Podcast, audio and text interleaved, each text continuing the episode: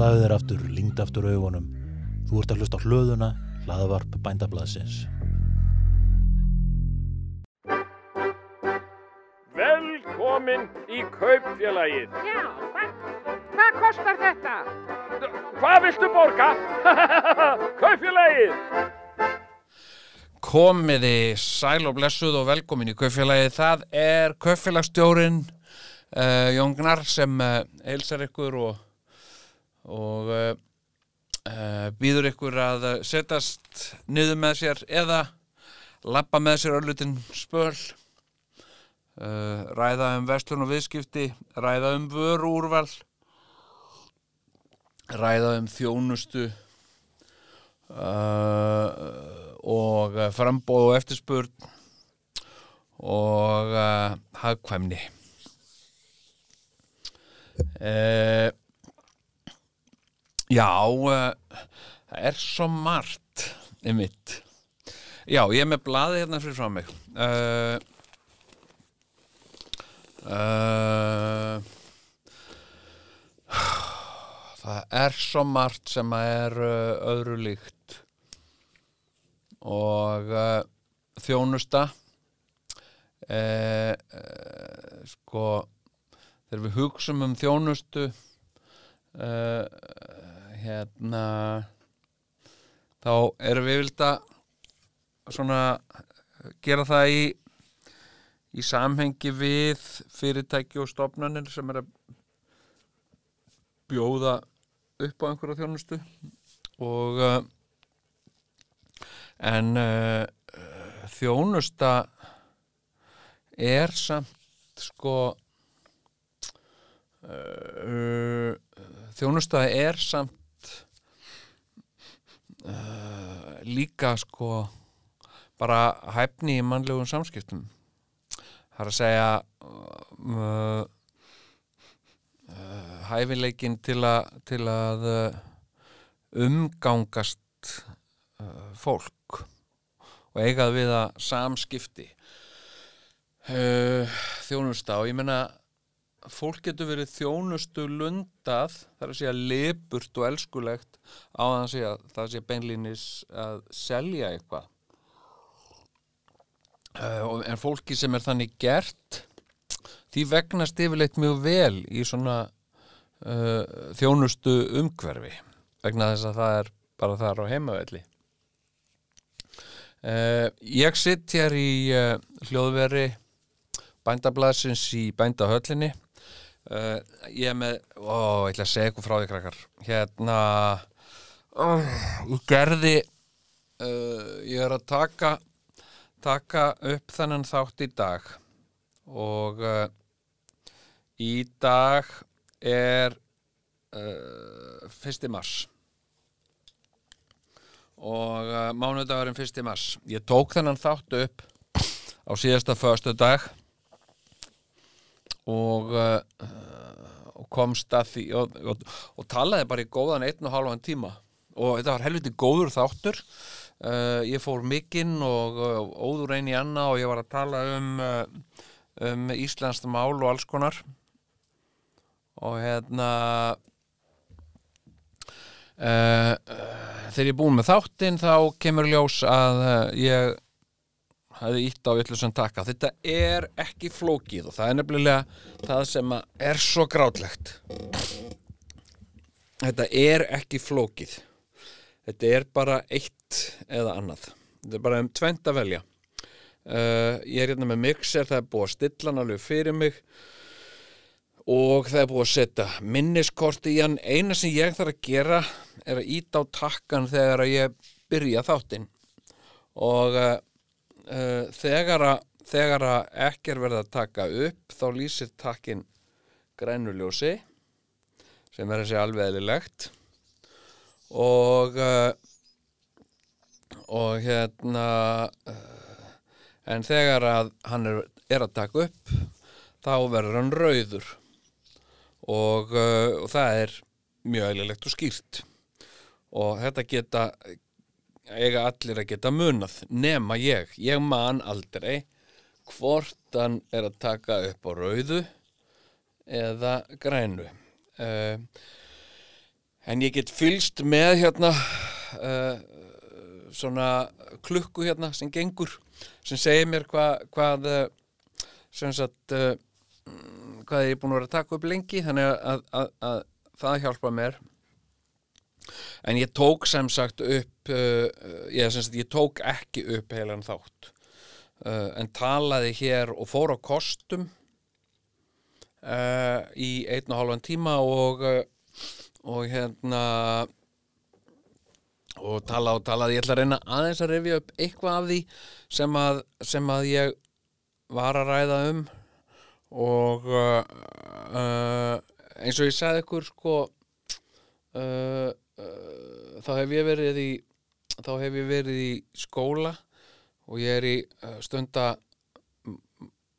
sem sagt uh, nám við Listaháskóla Íslands svo kallar MFA nám eða Master of Fine Arts. Og þetta er útlagt á, á íslensku sem sviðslistir og sko mér finnst svið alveg ágætt orð. Uh, hérna uh, listir uh, sko ég er skrifa, ég er að skrifa bók uh, og er nú bara nokkuð mikið að vera búin með hana sem heitir Óorð, bókin um vond íslensku orð sem er samansapn, þetta er svona orðasapn sem ég hef sapnað í örglega tíu ár yfir orð, íslensku orð sem að, sem að mér finnst vera vond. Uh, léleg orð og uh, uh, og hérna kemur tillögur að einhverjum betri. Og uh, og þetta er orð, alveg heljarnar sap 400 orðið eða svo. Og og hérna og list sko listamaður uh, og þetta er alveg ræðilegt krakkar eins og ég, eh, sko, eftir ég hérna uh, sko orð uh, uh, sko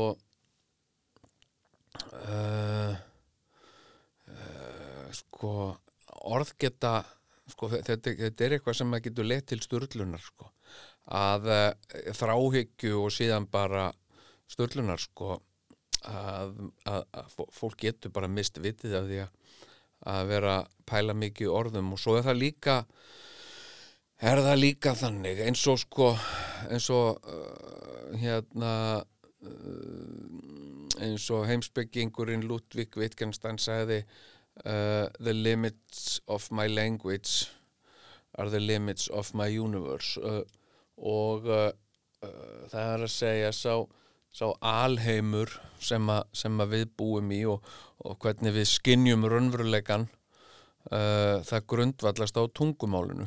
Og uh, það er með tungumálinu sem við komum orði á hugsanir okkar og það er með tungumálinu sem við sem við sem sagt uh, eigum í samskiptum við, við annað fólk að mestu leiti uh, það er svona grundvallar samskipti okkar er yfirleitt grundvalluð á tungumálinu. Og uh, og hérna það er mjög vafasamt að byrja að uh, leggja sér að þessu eða svona vesenast í tungumáli vegna þess að, að sko í mínu tilfelli þá er bara orðið svo mikið af orðum sem ég get ekki sagt vegna þess að þau eru vittlaus og uh, og hérna eða einhverju leiti bara röng. Og, uh, og, og eitt af því er núna, núna stund að ég sko nám í í, í kunst uh, hérna og uh, en það er kallað list. Og mér finnst list uh, sko uh, bara opbóðslega slæmt orð. Mér finnst það algjör óþarfi. Og en náttúrulega það sem gerðist krakkar áður en að ég útskýri það betur það sem gerðist krakkar var uh, íslenska er uh, langt í frá eins gömul og, og, og oft er haldið fram uh, íslenska uh, sko, sem, sem sjálfstætt tungumál kemur ekki til fyrir en bara á 14. öld uh, og uh, en fram að því frá því að, að uh, sagt, uh, landi byggðist uh, þá var hér töluð norska. Uh, íslenska uh, var í upphafi náttúrulega, þetta var aðalega fólk sem kom frá Noregi talaði bara sína norsku þó það væri komið hingað. Og uh, eftir því sem fólk var hérna lengur þá þróaðist þessi norska hún var náttúrulega bara eins og venjulega norska uh, framan af en síðan, síðan varð hún svona díalekt af, uh, af hérna uh, af norsku. Og uh, og hérna og, og sem sagt við töluðum uh, bara einn einn díalekt af norsku. Og, og, og, svona eins og, eins og mjög algengt er í Noregi það, það eru eru uh, mjög margir uh, mismunandi díalektar og, hérna og hérna fólk í Bergen talar ekki alveg eins og fólk í Þrántemi uh, fólk í Bergen til dæmis uh, uh, skrollar svolítið mikið. Það segir Harald uh, uh, en það segir uh, segir fólk í Þrántemi ekki. Fólk í Þrántemi segir bara Harald.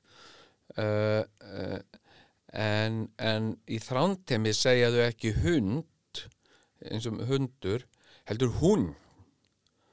Uh, hérna og og hún og uh, þannig að þannig að mm, hérna mismunandi mismunandi hérna uh, mállýskur heitir þetta, heitir dialektar mállýskur, mismunandi mállýskur og við töluðum bara svona norska mállýsku það er ekkert fyrir nú 14. öld sem að, sem að íslenskan er orðin það mikið ólík uh, hérna norskunni að hún er ekki lengur mállýska og uh, uh, hérna er orðin nýtt tungumál og svona þróast tungumál, svona, svona gerast bara tungumál uh, uh, og uh, og hérna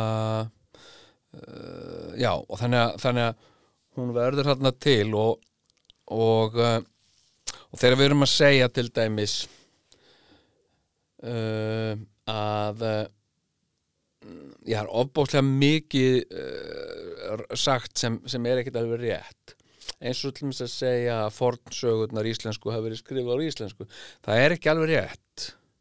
Uh, hérna uh, það voru skrifaðar á norsku. Tungumálið sem það voru skrifað en það er þetta í, í ensku kallað Old Norse sem sagt gömul norska og uh, og það og það er bara svolítið það er bara svolítið þannig. Uh, en sko uh, síðan síðan uh, verður náttúrulega ég menna bara eins og eins og fólk eins og fólk í þrændalögum talar sína norsku þá, þá uh, sína málisku sér tungumál þá, þá töluðum við Íslendingar bara okkar tungumál og, uh, og hérna uh, uh, og Ísland tilherði tilherði Noregi uh, og uh, það verður ekki uh, sko stór breyting á þessu fyrir en að fyrir en að hérna uh, uh, sko norðmenn tapa uh, tapa í baróttu við, við Danmörku og, og uh, Danmörku yfirtekur Noreg og, og þar með Ísland líka. Og og þá færumst við sem nýlenda frá frá, frá ef, nýlenda, við vorum náttúrulega bara hluti af Noregi uh, við vorum bara hluti af Noregi bara eins og Vestmanneir eru hluti af Íslandi. En, uh, en hérna uh, og það og var bara þannig þó það væri oft einhver svona ágreiningur um það og, og, og hvort að við ættum að, að taka okkur meira sjálfstæði frá Noregi eða hvort við ættum að styrkja tengsli við Noreg. Það hefur alltaf verið þrætuepli eða var þrætuepli uh, síðan koma Danir og, og, og þá kemur, kemur sko annað tungumál uh, sem er danskan og, uh, og Danir verða svolítið allsráðandi í viðskiptum. Það er að segja þeir koma á einokun við, við Ísland og og hérna uh, og, uh, og síðan náttúrulega er það þannig að það, það voru engir voru engir háskólar hérna þannig að Íslendingar þurfti að fara til kaupmannahöfnar til til að, til að læra og, og hérna mm, og, og til þess að geta lært og til þess að svona svolítið að, að geta bara uh, komist uh, uh, til uh, að náða árangri í sinu lífi hér á Íslandi þá var nokkuð nöðsynlegt að kunna dönsku. Og, uh, og hérna og danska uh, fór að taka meira og meira yfir uh, Íslands samfélag stjórnsýsluna uh, og og hérna og danskan var sko uh, var varð smátt og smátt dóminerandi tungumál. Hún, uh, hún hafði það fram yfir íslenskuna hún var svona uh, hún var miklu þróaðara tungumál heldur en íslenska. Íslenska var svolítið uh, fornaldartungumál það var þetta það var þetta að segja svona einfalda hluti á íslensku uh, sérstaklega ef það var eitthvað sem tengdist uh, landbúnaði eða sjómennsku.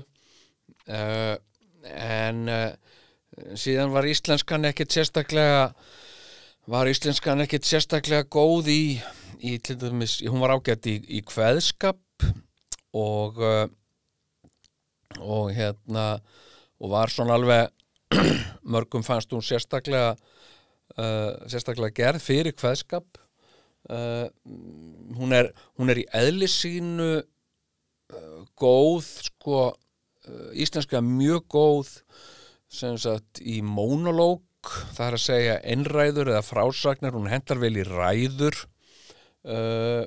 Og hún hendar vel í sko að tala yfir fólki tala yfir hausamótonum og einhverjum.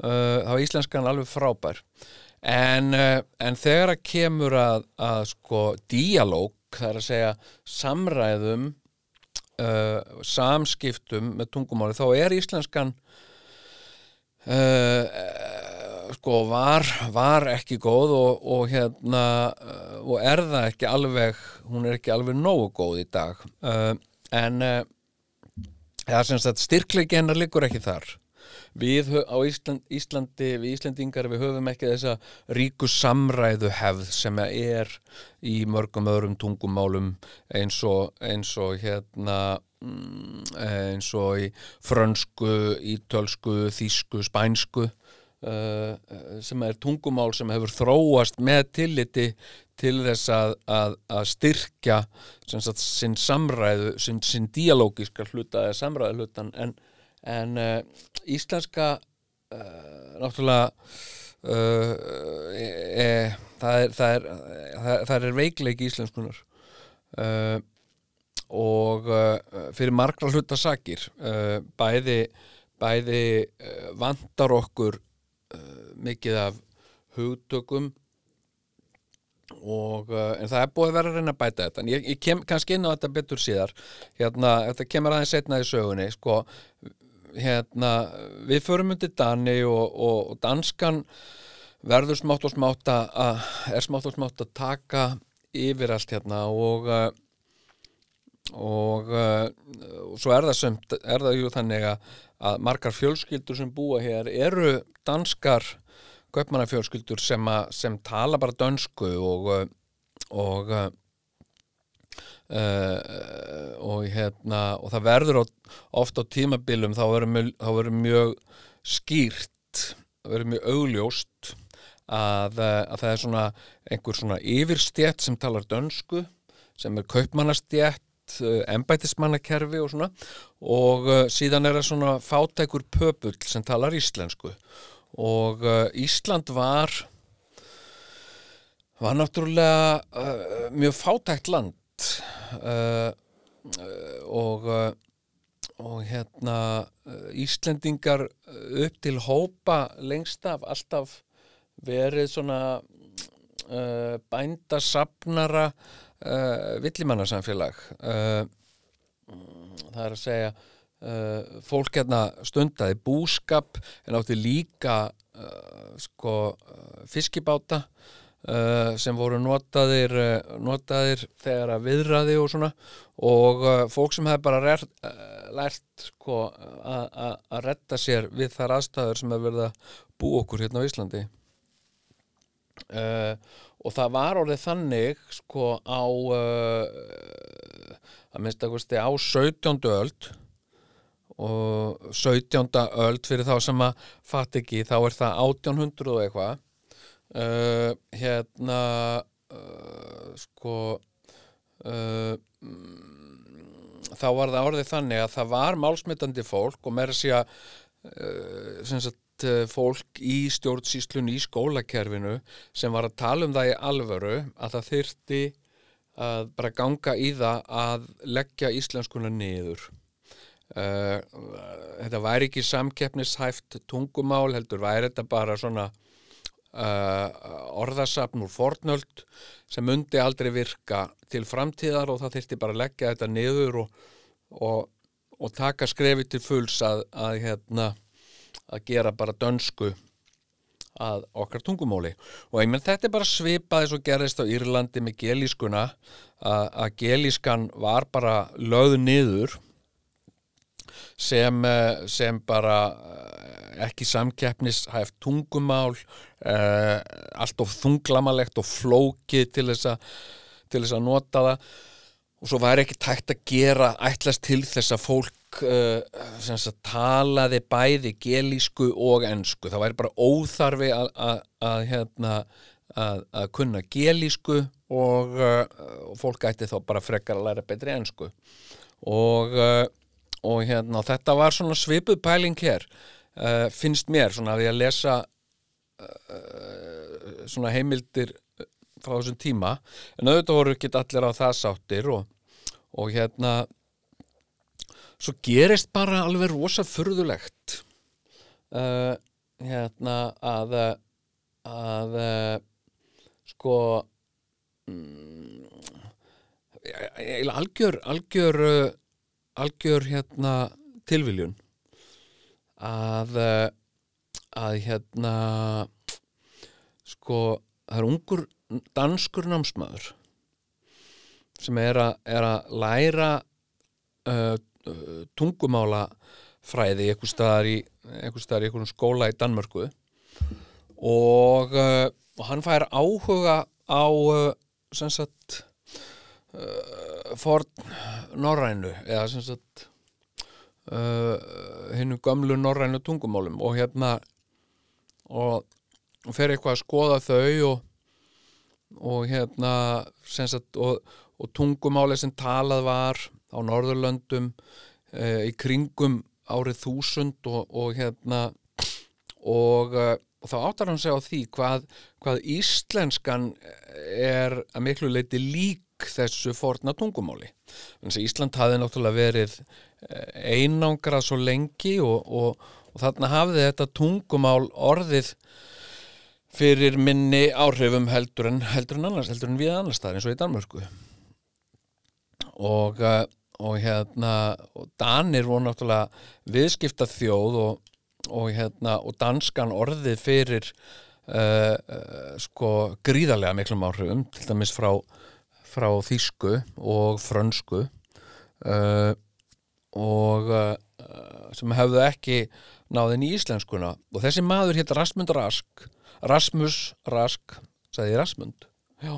Rasmus Rask og uh, og hérna og hérna 1800 og eitthvað, ég manna það ekki 1810 eða eitthvað svo leiðis 1813, ég manna ekki nákvæmlega skiptir ekki máli uh, upphafi upphafi 19. aldar þá uh, ákveður Rasmus að fara til Íslands og hann fekk eitthvað svona, eitthvað svona námstyrk til að koma inn til að stúdera íslensku og hann gerði það með miklum glæsi brag og, og, og kumir að segja að hafa bara var í þrjú ár og hann ku hafa uh, sko lært að tala íslensku og uh, náði góðum tökum á henni. Og hann var mikill barátumæður fyrir því að, að, að þessu tungumáli yrði haldi við og, og þeirri alls ekki láti degja út og það væri bara algjör synd uh, hérna að, gera það. Þannig að hann gerðist mikill talsmaður þess að, að vernda íslenskuna og, uh, og fundaði alveg sko uh, hérna fundaði nær daglega með fram á fólki í íslensku samfélagi þar sem hann talaði máli íslenskunar og þetta væri svo mikilvægt og, og hérna uh, ferðaðist um landið og, og, og hérna uh, og barðist fyrir þessu og varð stundum eitthvað ágengt en, en ég vildi ekki og og það er náttúrulega bara uh, hluti af uh, því hvernig fólk við erum sko. Íslendingar eru hafa alltaf verið uh, svona já, hvað maður segja kærulöst fólk. Og það er það er bara það er bara hluti af þjóðaræðili okkar að að vera svona mm, kærulaus og uh, langþreytt uh, sko hérna til uh, einhverja stóra átaka. Uh, við við, uh, við svona uh, já já svona höfum tilneyingu til þess að humma hlutina bara fram á okkur. Bara já já við sjáum sjáum bara hvað settur og eitthvað svona. Og og hérna en uh, uh, Rask skrifaði hérna uh, merkilega, merkilega bók á meðan hann var hérna. Og og hérna um íslenska málfræði og en síðan fór hann til fór hann til aftur til Danmerkur og þar held hann áfram að, að tala máli íslenskunar og, og þá aðalega sko og til þess að tala við uh, sko mentaða Íslandinga þá, þá, þá var það náttúrulega sko þurftum við að sækja okkur mentun til Danmörkur þannig að það voru hæg heimatökin fyrir hann að hitta men, íslenska mentamenn í Danmörku, og, og hérna hann var einn helsti uh, kvartamaðurinn á stofnun hins íslenska bókmentafélags og, og það þyrti að gera eitthvað, þyrta að halda utanum þetta og, og hérna og svona uh, auka meðvutund fólks um það hvað skiptir miklu máli við varum með okkar einn tungumáliða og uh, uh, upp úr ég, ekki, ég, já, en sem sagt upp úr þessu sko það var náttúrulega á þessum tíma þá var sko uh, svona ákveðin uh, uh, svona mm, þjóðernis meðvutund að vaksa fiskur um hryggi Evrópu. Fólk var svona átta sig betur á því að hvaða þjóðerni það tilherði mörg lönd voru búin að vera undir öðrum löndum lengi og, uh, og ég bel haldi niðri og, og fólk var kúað og svo framvegis. Uh, þannig að, þannig að uh, það var svona það var svona urðu svona til svona þjóðetnisreifingar í Evrópu og sem að sem að, sem að leittu síðan til byltinga byltinga uh, hérna mm, hinga og þangað um Evrópu bæði í löndum og, og, og einhverjum héröðum og þjóðarbrot voru að krefjast réttar og, og svo framvegis. Uh, og hérna uh, og það voru svona litlar og stórar byltingar hér og þar og svona þjóðernis hyggju uh, óksóldi fiskur um hrygg hérna og og hérna og uh, og það var til hérna á Íslandi líka einhver svona uh, þjóðernis stemning þú veist að við værum við værum sko uh, sjálfstæð þjóð og við værum ekki bara eitthvað útibú uh, eitthvað danst útibú uh, heldur værum við sjálfstæð og, og, og spes og svona. Og, uh, og það verður til þessi þjóðirnis hreyfing uh, sem, a, sem að átti síðan eftir að ná fullnægingu sinni í, í sjálfstæðis yfirlýsingunni 1944 en, en þetta byrjaði allt í kaupmannöfn það byrjar voða margt uh, uh, í, í históriu Íslands í, í, í kaupmannahöfn og hérna uh, og þar tóku nokkrir námsmenn sér saman og fór að gefa út svona þjóðræknis blað uh, uh, og uh, þetta blað var, var skrifað á íslensku og, og fjallaði um svona málefni líðandi stundar á Íslandi og hétt fjölnir. Uh, og margir sem hafa heyrt talað um fjölnismenn sem að voru mennirnir sem að, sem að stóðu að, að baki þessu blaði og skrifuðu í það og, og þeirra þekktastur kannski hérna uh, Jónas Hallgrímsson skáldi uh, og uh, þeir voru að skrifa um stjórnmál, þeir voru að skrifa um, um hérna og uh, sko uh, svona svona intellektual upplýst mál sem, a, sem að þeim fannst brínt að, að væri tekinn til umræðu hér á Íslandi. Uh, alls konar uh, hugleðingar um uh, tungumálið og, og, og hérna og að við þyrftum að sem þjóð aðeins að uh, kultiverast og það er alveg rétt. Uh, hérna við höfum alltaf haft gott af því að að, að kultiverast uh, og hafa í rauninni allir allir gott af því að kultiverast, maður getur alltaf kultiverast aðeins meira heldur en held, orðið kultiveraðari heldur en maður er.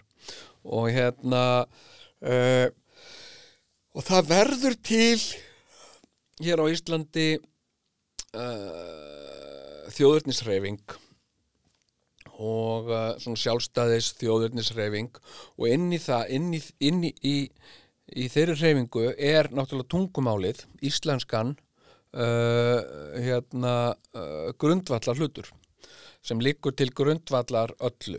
Uh, það er íslenskan og, og íslenskt mál og, og íslenskan sé merkilegt mál og það megi alls ekki láta hann að deyja út og síðan, síðan, er, uh, síðan er fólk ekkit og eitt sátt um það hvernig hún eigi að vera og hvernig, hvernig eigi að stafsetja og svo framvegis og svo framvegis.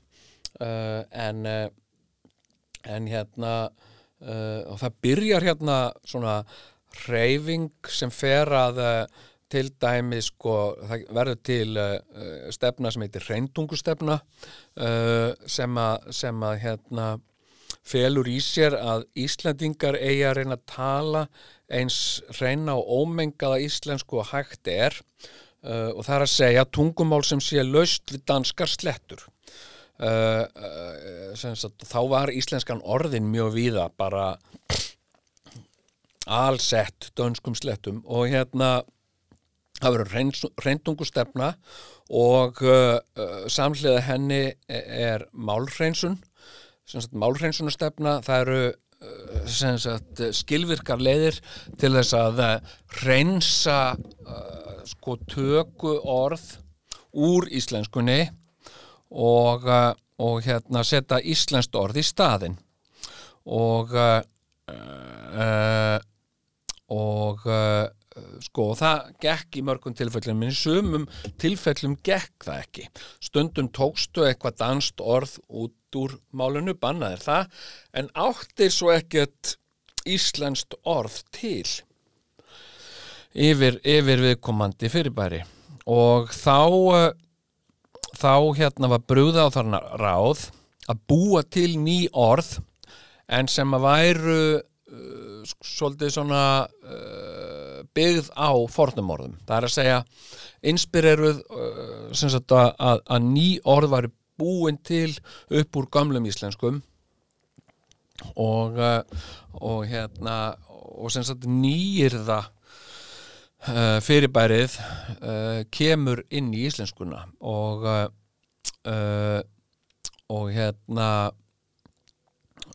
og það það er mjög mikið af orðum sem við erum að tala og nota í daglegu tali í dag sem að, sem að eru nýrði það er að segja uh, orð sem að, sem að voru fundinu upp uh, á átjándu, nítjándu og jafnvel 20 stöld.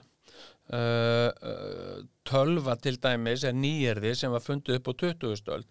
Uh, en, en það er síðan eru eldri nýjirði uh, orð eins og, eins og hugmynd eða ímyndunarafl uh, þetta eru uh, hvort tvekja sem sagt nýjirði, gömul nýjirði uh, og uh, og hérna og þarna er tekin þarna er tekin svo stefna.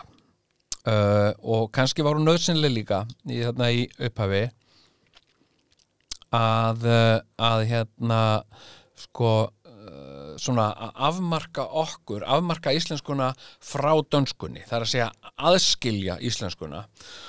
Og, uh, og um leið frá hinum Norðurlandamálunum uh, við vildum vera sjálfstæð, við vildum ekki vera tungumál sem var eins og norska eða tungumál sem var eins og danska uh, eða eitthvað svona hérna, eitthvað svona útgáfa af dönsku, við vildum vera með okkar sjálfstæða tungumál.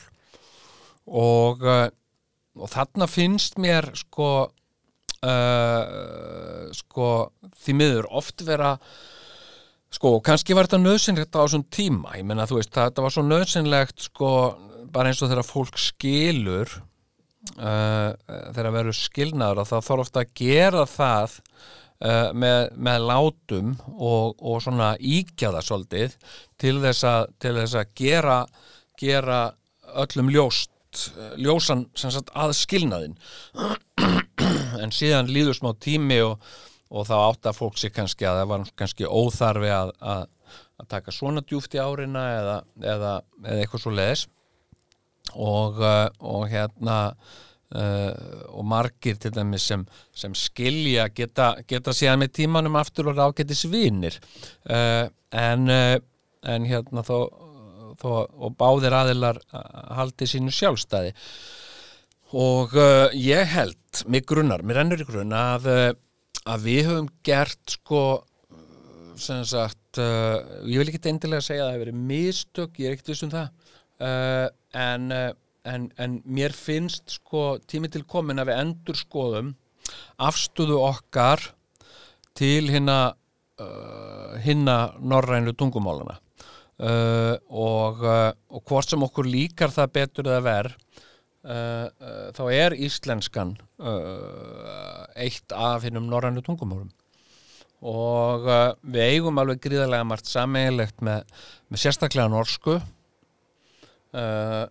og og hérna þó að norskan sé ekki eins og íslenskan þá er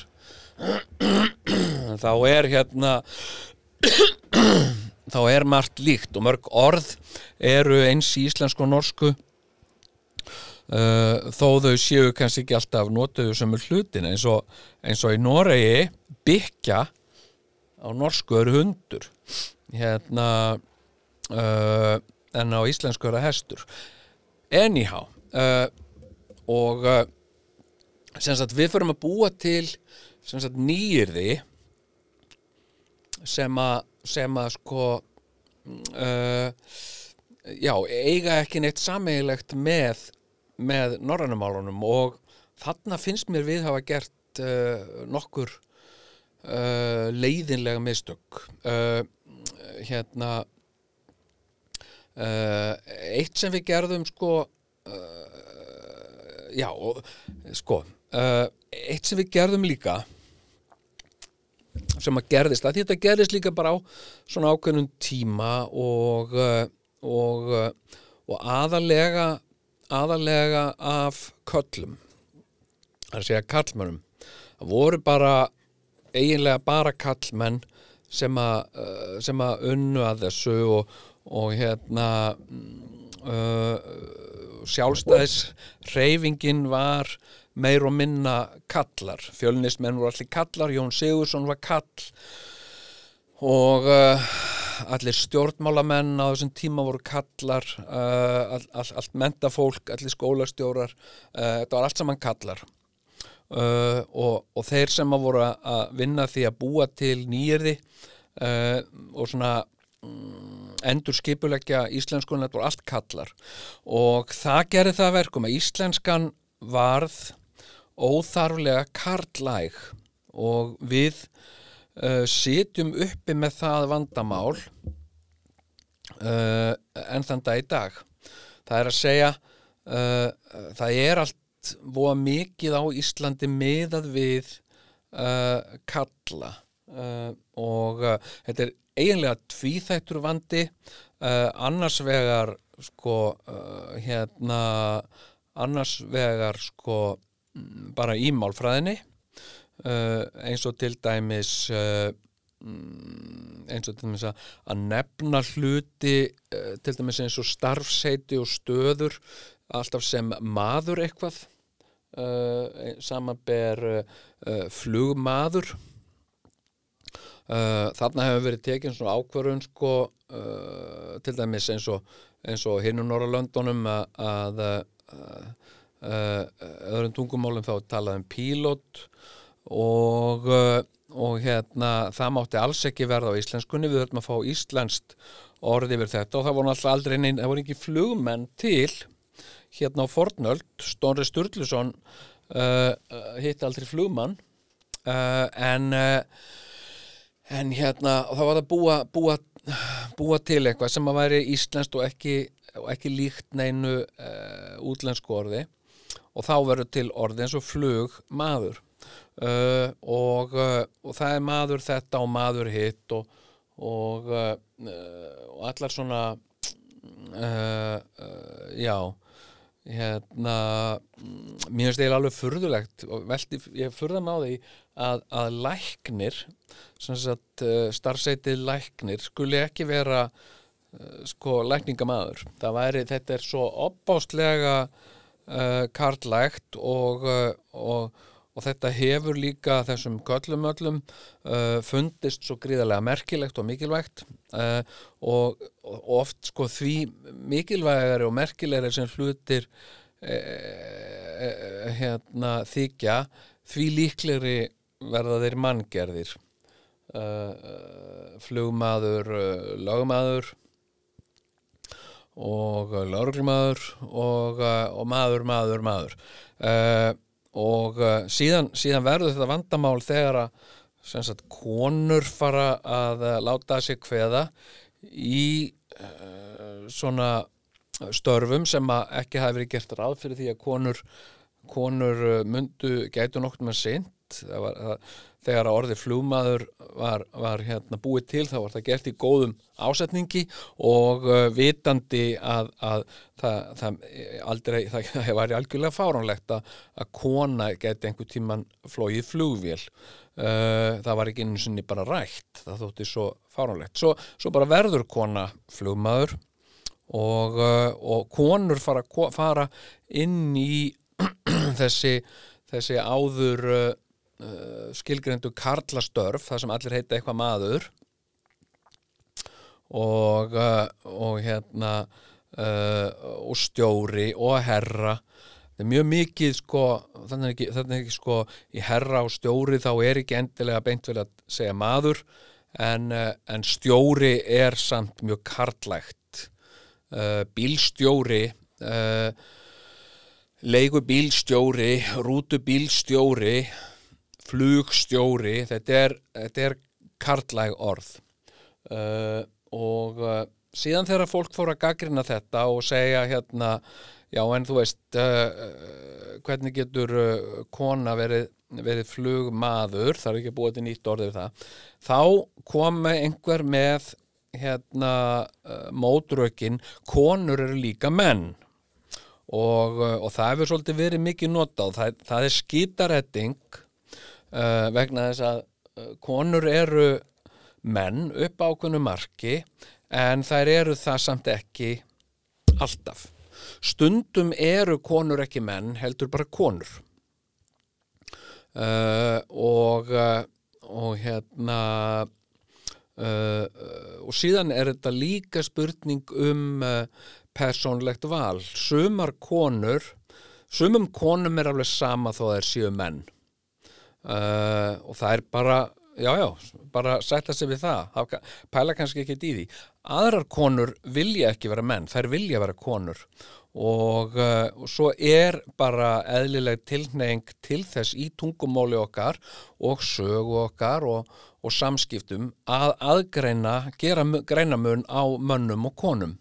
Uh, og, og við gerum þetta á mismunandi vegu uh, ég segi þetta um sko uh, uh, hérna ég, ég er konu.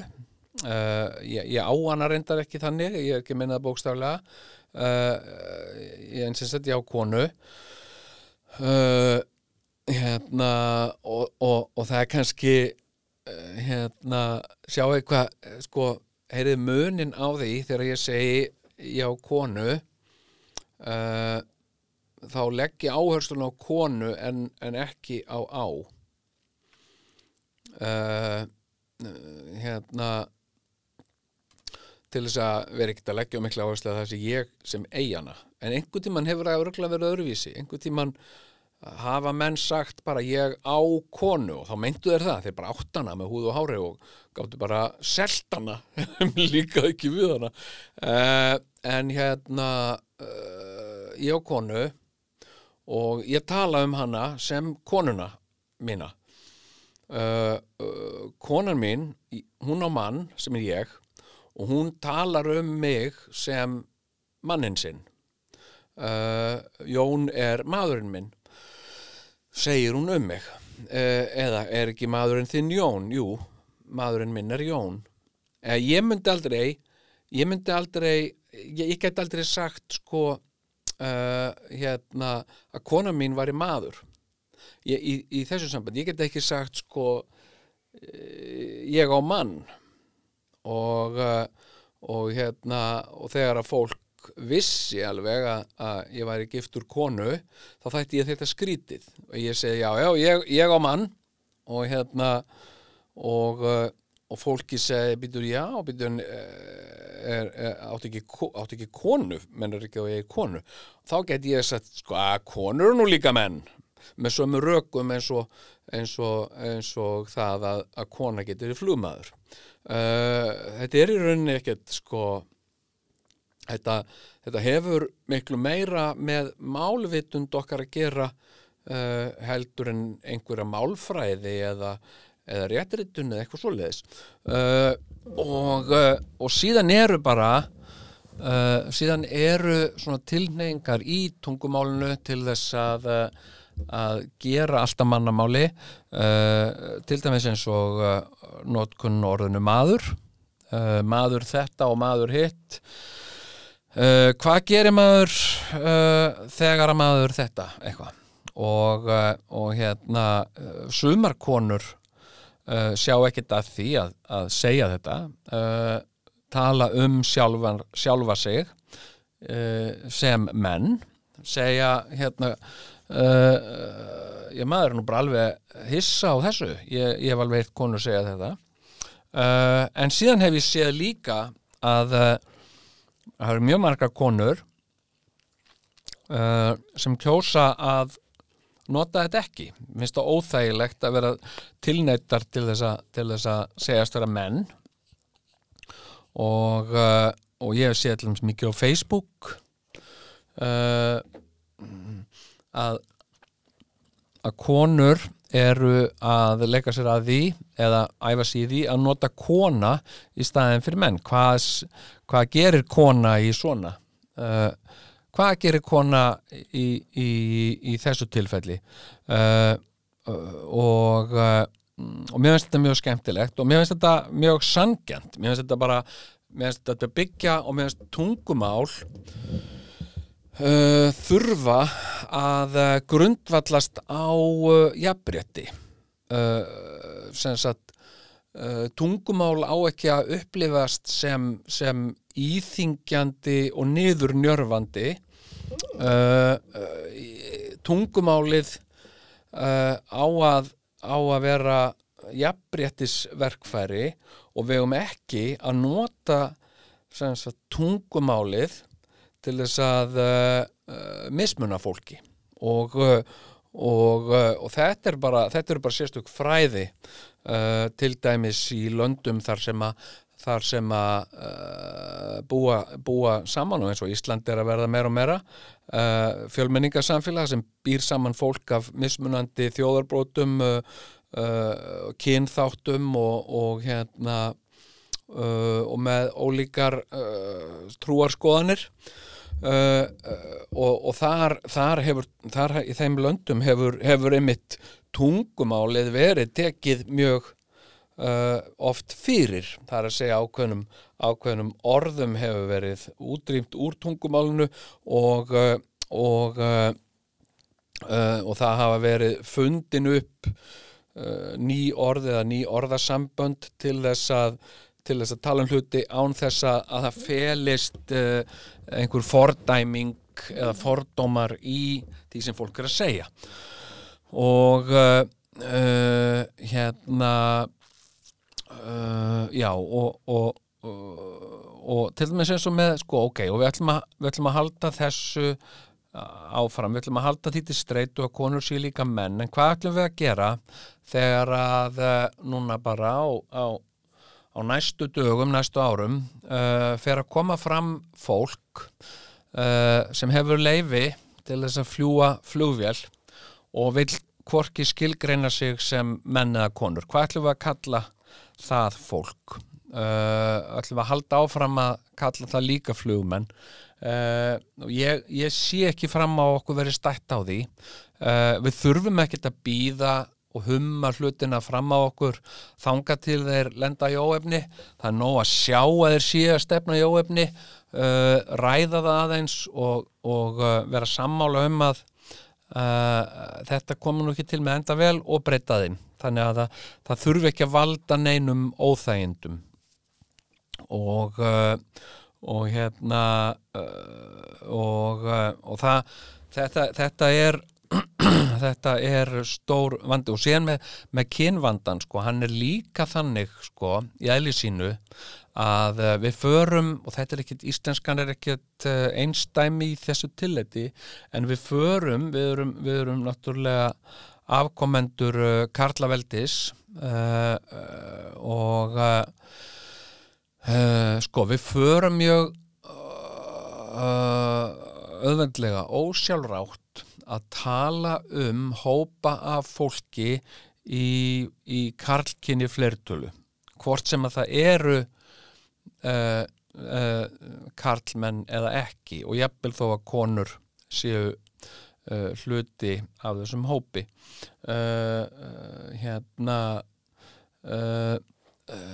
sko menn segja menn segja þetta sé nú bara ekki til, dæmis þetta og þarna getur verið alveg reytingur af konum inn á milli og og síðan til dæmis þegar við tölum um uh, Karlkins orð uh, eins og eins og eins og læknir uh, hérna sem sagt læknir er Karlkins orð, það er hann læknir en kona getur verið læknir og það, og það er ekkit sem sagt, það er í rauninni ekkit að því.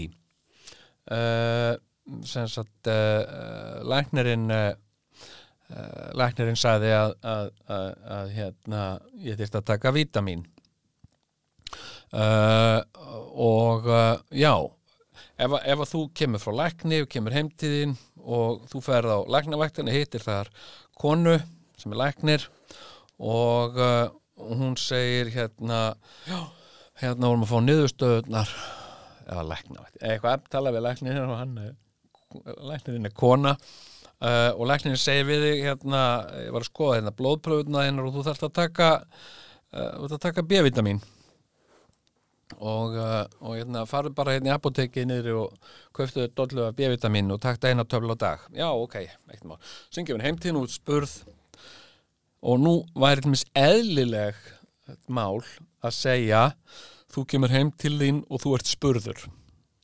Nema það væri í tilfelli konu þú værir nákvæmlega sérstaklega að tala um konu þá getur þú sagt þú kemur heim til þín og þú ert spurð uh, uh, hérna uh, en almennt í almennir málunótkun þá segjum við þú, kem, þú kemur heim til þín við erum að, við erum að, tala svona ímyndað uh, hérna þú ert búin að vera hjá lækni þú kemur heim til þín og þú ert spurður Uh, og, uh, og það gengur yfir, myndi ég segja 80% uh, svona í almennu tali að við bara karlgerum einstaklinga hann kemur heim til sín bla bla bla, nema ég sé sérstaklega að tala um konu og allir viti að manneskjan sem sé að, ég sé að vísa til í þessum sambandi sé kona. Þú kemur heim til og spurður hvað sagði læknirinn? Hann sagði Já, hann sagði ég ætti að taka B-vitamin. Nú, og spurðan þið ekkert um, um en, en, en talaði eitthvað við hann um þápröfunar.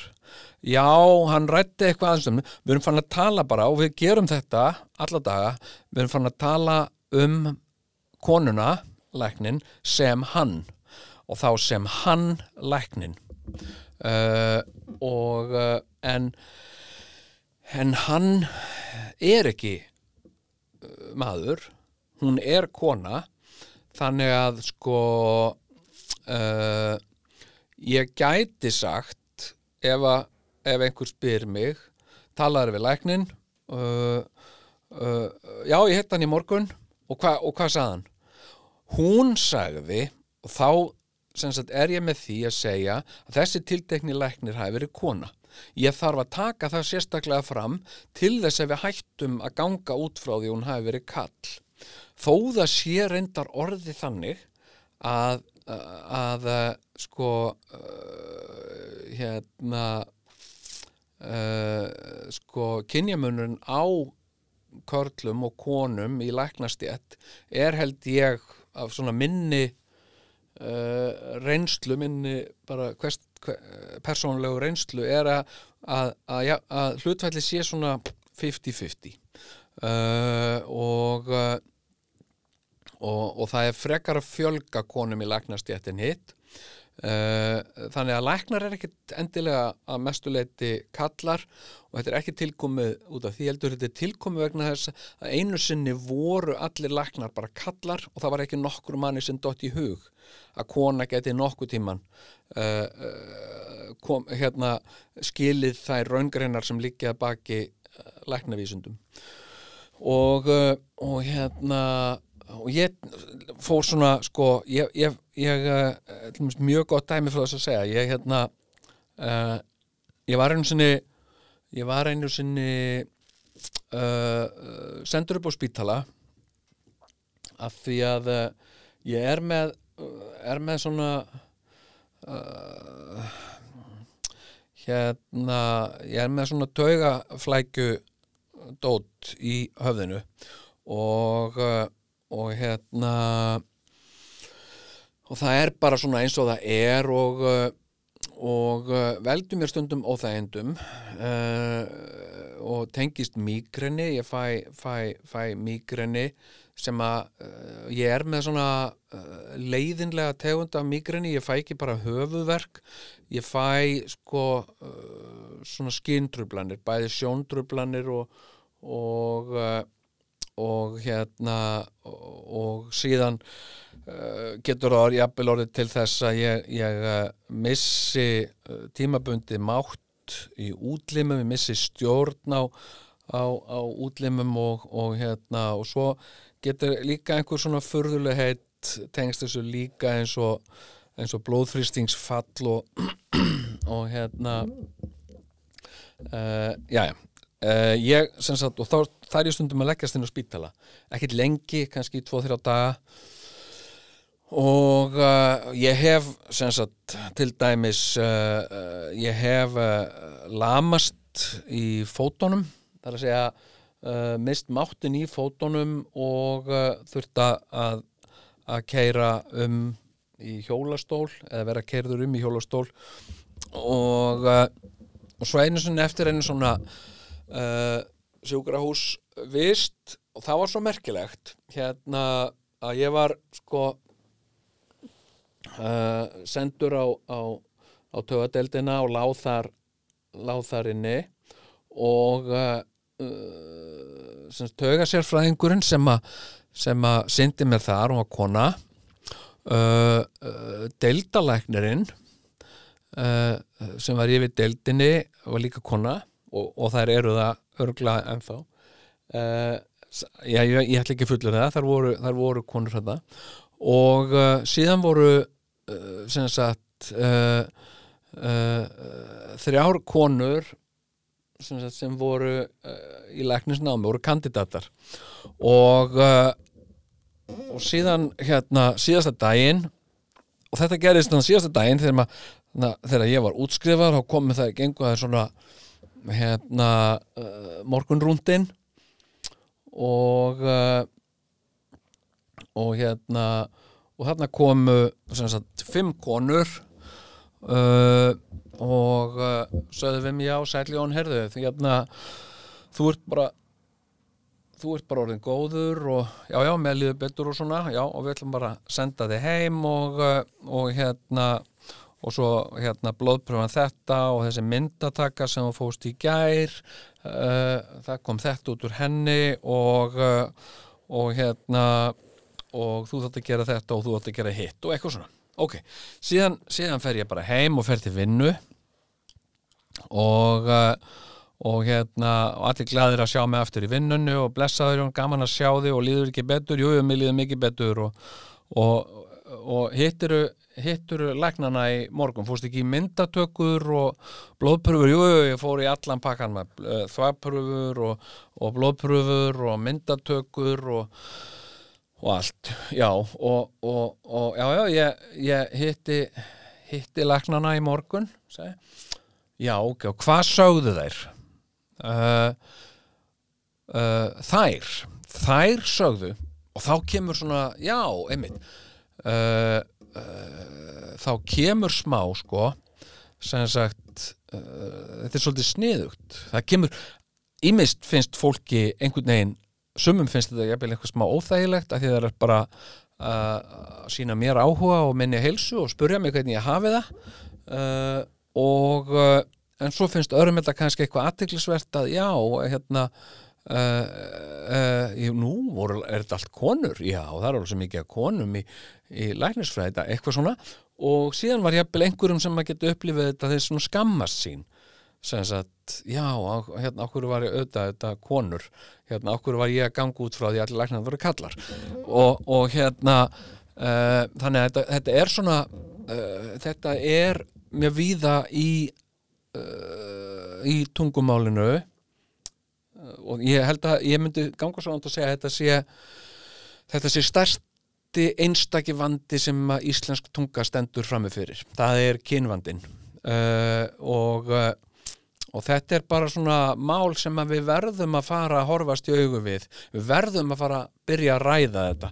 Og, uh, og hérna uh, en ég er náttúrulega ekki málfræðingur.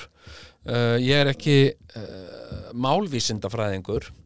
Hérna tökum sem það er, hérna sko ég ég hérna uh, sko uh, uh, vísindi það er nýjörði svolítið gamalt nýjörði en nýjörði samt. Vísindi voru ekki til hér upp og í kringum landnám á Íslandi.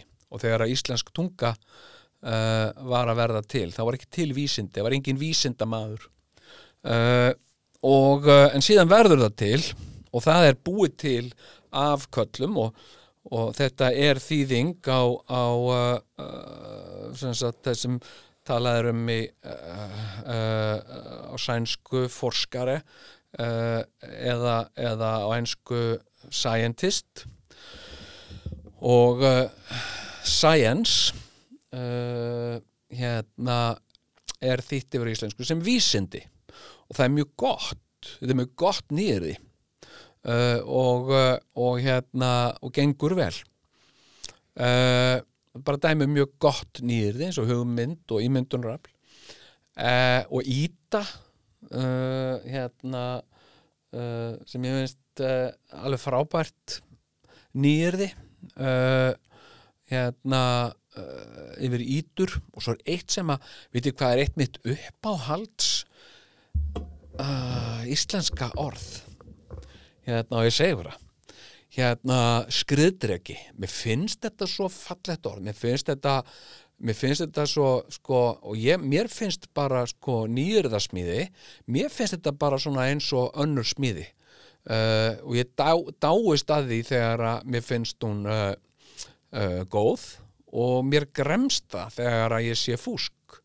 Og það er bara alveg eins og með smíði. Mér gremst það að sjá fúsk uh, vegna þess að ég veit að að uh, fúsk er bara eitthvað sem að sem að uh, borgar sig að vera meðvitaður um og reyna að hindra og koma í veg fyrir. Hvar, sem að, hvar sem að við sjáum það, hvort sem það er í, í húsasmíði uh, eða í, í, í nýjörðasmíði bara í, í hérna eða í samskiptum eða allir, bara fúsk er ekki gott vegna þess að það mun alltaf uh, verða dýrara til lengri tíma heldur en ef maður segja maður já, já, uh, ef við gerum þetta bara almennilega frá upphafi. Uh, vísindi gott orð en vísindamaður. Og þetta er náttúrulega gert á þeim tíma þegar að engum datt í hugað að uh, að kona gæti nokkuð tíma skilið vísindi. Uh, og þess vegna þurfti ekkit að, að, að hafa þetta flóknar en bara maður sem uh, stundar vísindi. Uh, og við höfum ekki gengið svo langt. Ég hef aldrei talað um vísindakonu. Hún er vísindakona. Það hefur einhvern veginn ekki náðan einu flugi sko. En, en hérna allir stjórar uh, forstjórar uh, framkvæmdastjórar og svona. Uh, stundum hefur það gerst að konur hafa kosið og hafa til þess heldíaleifi að kalla sig stýrur uh, forstýra framkvæmdastýra uh, og og hérna þetta er mjög gjarnan í uh, svona kvenlægum hreyfingum fyrirtækjum þar sem að, þar sem að uh, margar konur eru. Og, uh, og mér finnst þetta bara fínt, mér finnst þetta mjög gott. Og þetta er, þetta er svona sko þetta er svona svipað og gert þér í þýsku, þar er aðgreint hérna starfseiti eftir kynjum. Uh, uh, hérna uh, eins og ég er engin sérfræðingur í þýsku og tala hann ekki en ég skil svona hrafli henni. En, en til dæmis eins og, eins og læknir á þýsku er ert uh, og uh, sem sagt ef að læknirinn er, er, er kona þá er hún ert sín. Og og hérna uh, en, en hérna er það bara sem sagt uh, uh, sko já og þetta er svona ákveðin afleðing af einfaldleika okkar sem, sem þjóðar, við erum fámenn þjóð og með þetta sem sagt þennan, þennan brotna málagrunn sem við vorum með hérna í upphafi og, og, og við höfum byggt upp á hann að bara flest allt uh, flestu leiti vel en, en í stundum sagt ekki nógu vel. Og ég tel að þetta séu einhver stærstu mistökin. Og, uh, og síðan önnur mistök sem ég held að við höfum gert og, og mér finnst mjög mikilvægt að fara bara að ræða. Uh, ég, ég, ég mig grunnar að við höfum uh, aðskilið okkur of mikið frá hinnum Norrlandamálunum og mér finnst við ættum að það sé tímabært að endur skoða það hvort að þessi aðskilnaður hafi hvort við höfum farið offari. Uh, uh, og uh, og hérna það var sem sagt tekið nokkuð uh, hérna skýr almenn ákvörun um það að aðgrein okkur frá, sko ekki bara frá heimstungumálunum heldur líka frá hinum Norðurlöndunum. Og jafnvel þótt að, að, að á einhver orð væru notuð og þættu uh, gjaldtæk á Norðurlöndunum þá var það ekki sagt uh, samt jafnvíst að við myndum samþykja þau. Og ég tekið svona dæmi eins og og þetta sýnir líka, þetta kemur líka til skold, svolítið út af þetta tengist þessu þessu, þessu uh, sko þessari karlægni uh, mjög gjarnan uh, þarf að gera stór átak í íslensku máli þegar að kemur að karlægum hlutum eins og tækni. Ég held að hafi aldrei í, í allir Íslands sögunni verið gert annað en stór átak í í nýjirða smíði eins og þegar að bílinn kom til. Uh, það sem sagt bíl bara venjulegur bíl er búinn til úr þúsundum uh, smáparta uh, í undirvagni hjólum og, og, og tala nú ekki um í vélinni Þetta bílar voru teknir algjörlega í sundur, stykki fyrir stykki og skrúfu fyrir skrúfu og allt var sagt fært yfir á íslensku að búið til íslenskt orð yfir allt sem tengdist bílum. Uh, og, uh, og ok, þetta er mér finnst þetta uh, hérna mér finnst þetta mjög kallalegt og ég veit alveg þetta var mjög kallalegt og og, uh, og það þótti til dæmis ekki nógu gott að kalla þetta bara bíl eins og þetta heitir sem sagt uh, í Danmörku, Norri og Svíþjóð bara bíl uh, heldur þurft að búa til íslenskt orð yfir þetta fyrirbæri. Og það var Kall sem bjóð það til uh, og hann ákvað að þetta, þetta skildi heita bifreið á íslensku uh, ekki bíl uh, og þetta er svolítið sko, þetta er kjánalegt vegna þess að, að bíl er bara samstofna norrænt orð og sem uh, norræn þjóð, talandi norrænt tungumál, þá ættum við að geta að nota það bara eins og allar aðrar norrænar þjóðir. Við þurfum ekkert að búa okkur til eitthvað sérstakt orð yfir bíl, sérstaklega vegna þess að við erum sjálf ekkert að búa til neina bíla. Það er ekkert eins og að það sé mikil ástæða til þess að sé íslenskt orð yfir bíl vegna þess að við séum bílaframlýslu þjóð, það er bara ekki þannig. Við bara flytjum inn bíla frá útlöndum. Uh, eina sem við gerum við þá er að breyta nafninu. Sem að bíl verður til í Svíþjóð og þar heitir hann bíl Uh, hann er síðan fluttur og gámaskipi til Íslands en um leið og hann kemur á Bryggju og Íslandi þá er hann ekki lengur bíl heldur bifreið. Og þar með erum við einhvern veginn búin að endur skýra hann og, og gera hann að okkar. Uh, uh, hérna og við einhvern veginn eigum þá meira í honum. Og svo þegar hérna einhver segir já flottu bíl, þetta er bifreið.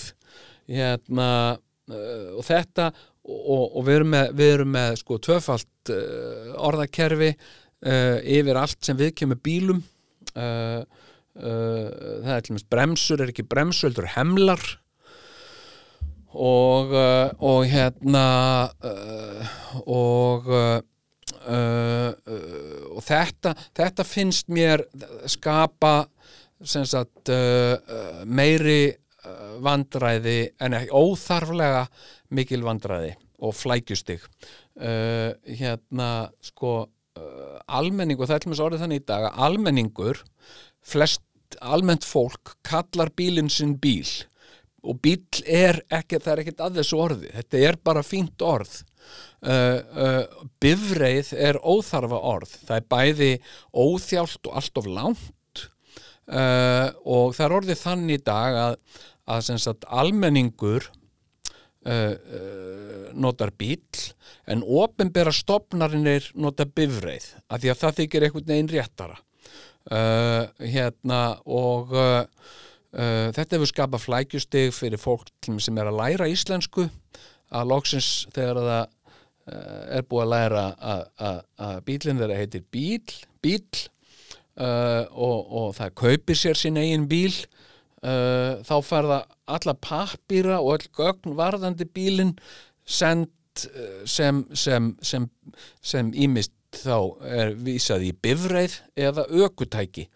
Uh, þannig, að, þannig að sko uh, fólk þarf ekki bara átt að segja á því að, að, að, læra íslenska orði bíl heldur það það líka átt að segja á því að bifreið sem er líka bíl eða ökutæki. Og uh, það er eðlilegt í öllum tungumálum að hafa tvö orð yfir uh, uh, sko ökutæki sko bifreið, bíl, bifreið uh, ökutæki og farartæki. Uh, við erum fjögur orð.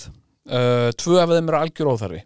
Uh, við þurfum bara tvö orð. Það er eins, og, eins og í ensku er, er hérna uh, er sem sagt kar eða vehicle sem er þá bara faratæki uh, hvað sem það er mótorhjól eða traktor eða snjósleði þetta er, þetta- er sem sagt ökutæki. Þannig að við ættum í íslenskurinni við ættum bara að vera með bíla eða og ökutæki og svo heitir ökutækið uh, alls konar ökutæki og svo er þau bíl eða snjósleði eða eitthvað. En, en hætta þessu bifreiða bulli sko. og hérna uh, og, og þá er ég komin semst aftur að því sem ég sem sagt, uh, var að segja hér í upphafi sem er orðið listamaður. Af því að ég var að segja ykkur frá því að ég stunda nú nám í, í, í uh, listaháskólanum og, uh, og er þar svona að efla mig sem uh, leikskáld?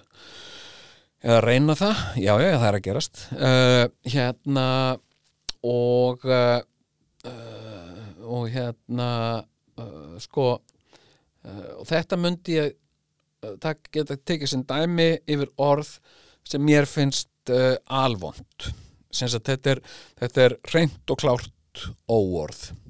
Og menna vísindamaður er uh, hálgildingsóorð þá er uh, listamaður alslemma sko, listamaður uh, í fyrsta lagi uh, sko, list er algjörlega fabrikerað íslenskt orð hérna nýrði og list, hvað segir það? Mér finnst þetta fúsk. Listamaður er fyrir mér ef ég bara sagt, eins og, eins og uh, íslenskan virkar svo, svo oft að uh, hún segir það felst í orðana hljóðan um hvað ræðir. Uh, hérna uh, uh, sko eins og graftar kýli uh, það, það þarf ekki að útskýra neitt mikið nánar hvað graftar kýli er. Uh, það er kýli sem líklega uppfullt á líkama sem er líklega uppfullt á greftri. Uh, uh, en listamaður fyrir mér ef ég ætti að lýsa því út frá því hvernig orðið hljóma þá er listamaður það er, það er maður það er sem sagt kall uh, miðaldra grannvaksin maður sem leggur lista. Uh, uh, yfirleitt uh, það sem að uh, búið er að leggja parkett og þegar parkettið er, er komið uh, þá þarf að býða í eitt, tvo daga eftir listamanninum. Uh, og listamaðurinn kemur uh, og svona dæsir hann er með svona henni í buksum með svona hnépúðum og og hérna og, og hann veit allt um lista og, og hérna og hvaða þykkt og breytt og lengt og uh, er best að nota og uh, hann gengur frá þeim þannig að maður sér valla sagt maður og kona sjá valla samskeitin eh, og uh, og hérna uh, mér finnst þetta bara arfa vonda orð og mér finnst að við hefðum átt að sko og við höfum ennþá tækifæri til þess uh, hérna uh, sko mm, hérna uh, bara fækka þessu uh, þessum, þessum orðum og, og, og fækka uh, miskilningi, dragu miskilningi og fækka þeim tilfellum þar sem þetta verður til óþæginda fyrir fólk. Það, þetta þetta stendur á, á veikum grunni og, og hérna það, það, lítið út af að bera uh, uh, hérna sko áður en við förum að tala þú veist um, um, um listakonur listakonur og listamenn uh, þá erum við komið með tvöfalt vond með þetta er fúsk ofan á fúsk sem er aldrei gott sko. Sagt ef að, ef að fúskari uh, uh, smíðar hús og hluti af því legur og þú færð sko sama fúskaran til að gera nýtt fúsk yfir legan, Þa, það veit ekki á gott.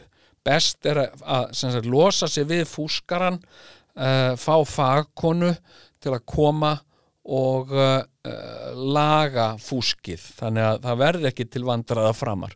Uh, listakona er fúsk ofan á fúsk. Við hefðum í upphafi aldrei átt að, að hleypa þessu orði inn í tungumálið og við hefðum átt að uh, gera eins og hinnar Norrlanda þjóðurnar við hefðum átt að kalla þetta kunst og það er líka alveg orð, það er til í íslensku. Uh, uh, hérna uh, við getum sagt að einhver sé kunstner og, og, og einhver sé kunstugt og, og, og einhver sé algjör kunst og það er, og við notum þetta meira sjáft, við segjum, þú veist, já það er, það er ákveðin kunst að, að gera þetta þannig að orðið er alveg til í íslensku uh, og býður bara eftir því að vera notað. Uh, og ég, ég reyni að sko, eftir að ég byrjaði að endur skoða íslenskt mál þá hefur þetta náttúrulega orðið til þess að ég á stundum bara uh, bara erfitt með að tjá mig vegna þess að það er svo mikið orðum sem ég get ekki notað og, og ég get ekki almennilega sko sum orð virka uh, virka tilgerðarleg uh, hérna uh, sko mm, og, og uh, sko uh, til dæmis eins og, eins og hérna verða, verða, verða tilgerðarleg í notkunninni eins og, eins og kunst uh, stundum sko ég reyni að sneiða hjá því að, að tala um sjálfan mig sem listamann.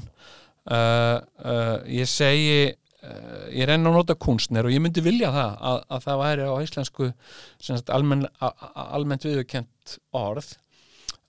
Ég er kunstner. Það er það sem að mér finnst réttast að kalla mig, minnst eðlilegast að segja og, og hérna ef ég er í Danmörku eða Svíþjóð þá er ég kunstner þar uh, og uh, og hérna uh, sko mm, já en en stundum verður þetta verður þetta tilgeralegt í, í, í alls konar samhengi og, og ég veit ekki hvort að það hefur með bara máltilfinningunar að gera sko eða uppsetninguna, ég, þar, ég, þetta er náttúrulega maður verður alveg, maður getur mist vitið af, af svona pælingum sko. Uh, orð sem að sem að ég get ekki sagt sko mm, hérna uh, eh, og bara neita að nota eins og afmæli. Uh, afmæli er, er, er gríðarlega vond orð. Uh, þetta, er, þetta er öllum tungumálum þá er þetta sagt orð yfir það þegar að, þegar að sko fólk fagnar fæðingadeginum sínum og þetta er á flestum tungumálum fæðingadagur uh, hérna og því bara fagna að þetta er dagurinn sem að ég fættist á uh, og þetta er þannig í, í ensku birthday uh, það er þannig í, í, í hérna uh, þýsku geburtstag uh, Norrlandamálunum födelsersdag uh, föðelsestag uh, þetta er sem sagt og það er hugmyndin, hinn alþjóðlega hugmynd þetta er fæðingadagur en í staðin fyrir að halda okkur við það og tala um fæðingadag sem er alveg hægt það er, það er alveg hægt að, að, að gera það á íslensku og, og, og, og þetta er til í íslensku uh, hérna fæðingadagur og þó þetta sé aðalega að nota kannski í, í svona trúarlegu samhengi uh, við heyrum oft talað um, uh, talað um í samhenginu fæðingadagur frelsarans. Þetta er nú fæðingadagur frelsarans uh, uh, hérna, en hann á engan engar rétt á þessu orði. Uh, sko Og einhver tíman var þetta ákveðið af kalli sem að mig grunar að hafi líka verið prestur að sko það væri bara frelsarinn sem ætti að eiga fæðingardag við uh, syndugur pöpullin við ættum að vera með annað orð eitthvað svona sem að sem að sko væri svolítið móralst og afmæli er móralst það er að segja uh, ég er að mæla af ég er að mæla af einhver og það er aldrei jákvætt að mæla af. Sem sagt það þýðir að þú ert með eitthvað svo kemur einhver og mælir af því og þá kemur í ljós yfirleitt að þú þarft að borga eitthvað eða þú ert minna eftir. Sem sagt uh, hérna að afmæla. Sem sagt nú mæli af þessu og, og uh, skatturinn mælir af laununum okkar það sem hann tekur í sinn hlut uh, uh, hérna það koma, kemur fólk frá, frá orkuveitunni og uh, les af mælum og af mælir uh, hérna, og þetta er ekkert jákvætt eða skemmtilegt orð, það er bara ekkert að halda því fram. Uh, og, og það sem af mæli gerir, það er að það mælir nú eitt ár af æfinni okkar. Og nú hefum við einu ári færra eftir uh, að lifa uh, af mæli. Og þess vegna, og ég bara nota þetta ekki. Ég óska fólki ekki til hamingju með af mælið. Uh, ég reyni að segja bara fæðingadagur uh, til hamingju með fæðingadaginn þinn uh, og, og reyni bara að koma þess á stundum get ég það ekki. Til þess sérstaklega sko hérna, hérna þú veist, ég, ég ætla ekki að verða Georg Bjartfreðarsson í batnaðamælum ég afmæli, nei þú átt fæðingardag. Ég, ég nenni því ekki. Og svo sko uh, ég reyni eins og ég mögulega geta að koma mér undan afmælisöngvum en stundum koma þeir aftan að manni. og, uh, og ég þarf þá að taka undir og ég þarf þá að syngja hann á ammæli eða hún á ammæli í dag. En ég reyni að segja ammæli uh, því þá, þá líka get ég vísað aðeins í gammallega með sigumólunum og, uh, og hérna þetta þarf ekki að vera uh, eitthvað sem felur í sér svona mikla neikvæðni og, og leðindi en uh, kæru, kæru elsku hlustendur, ég vona að, að þið hafi haft uh, gaman af þessu uh, rausi mínu og uh, við höfum getað gengið til góðs og ég hafi nú gefið ykkur eitthvað svona eitthvað haldbært til, a, til að hugsa um.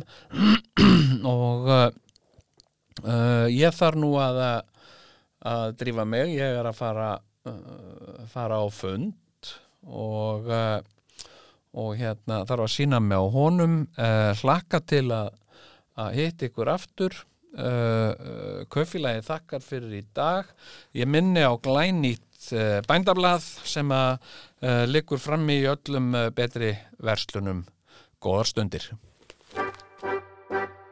Velkomin í kaupfélagið. Já, hvað, hvað kostar þetta? Hvað viltu borga?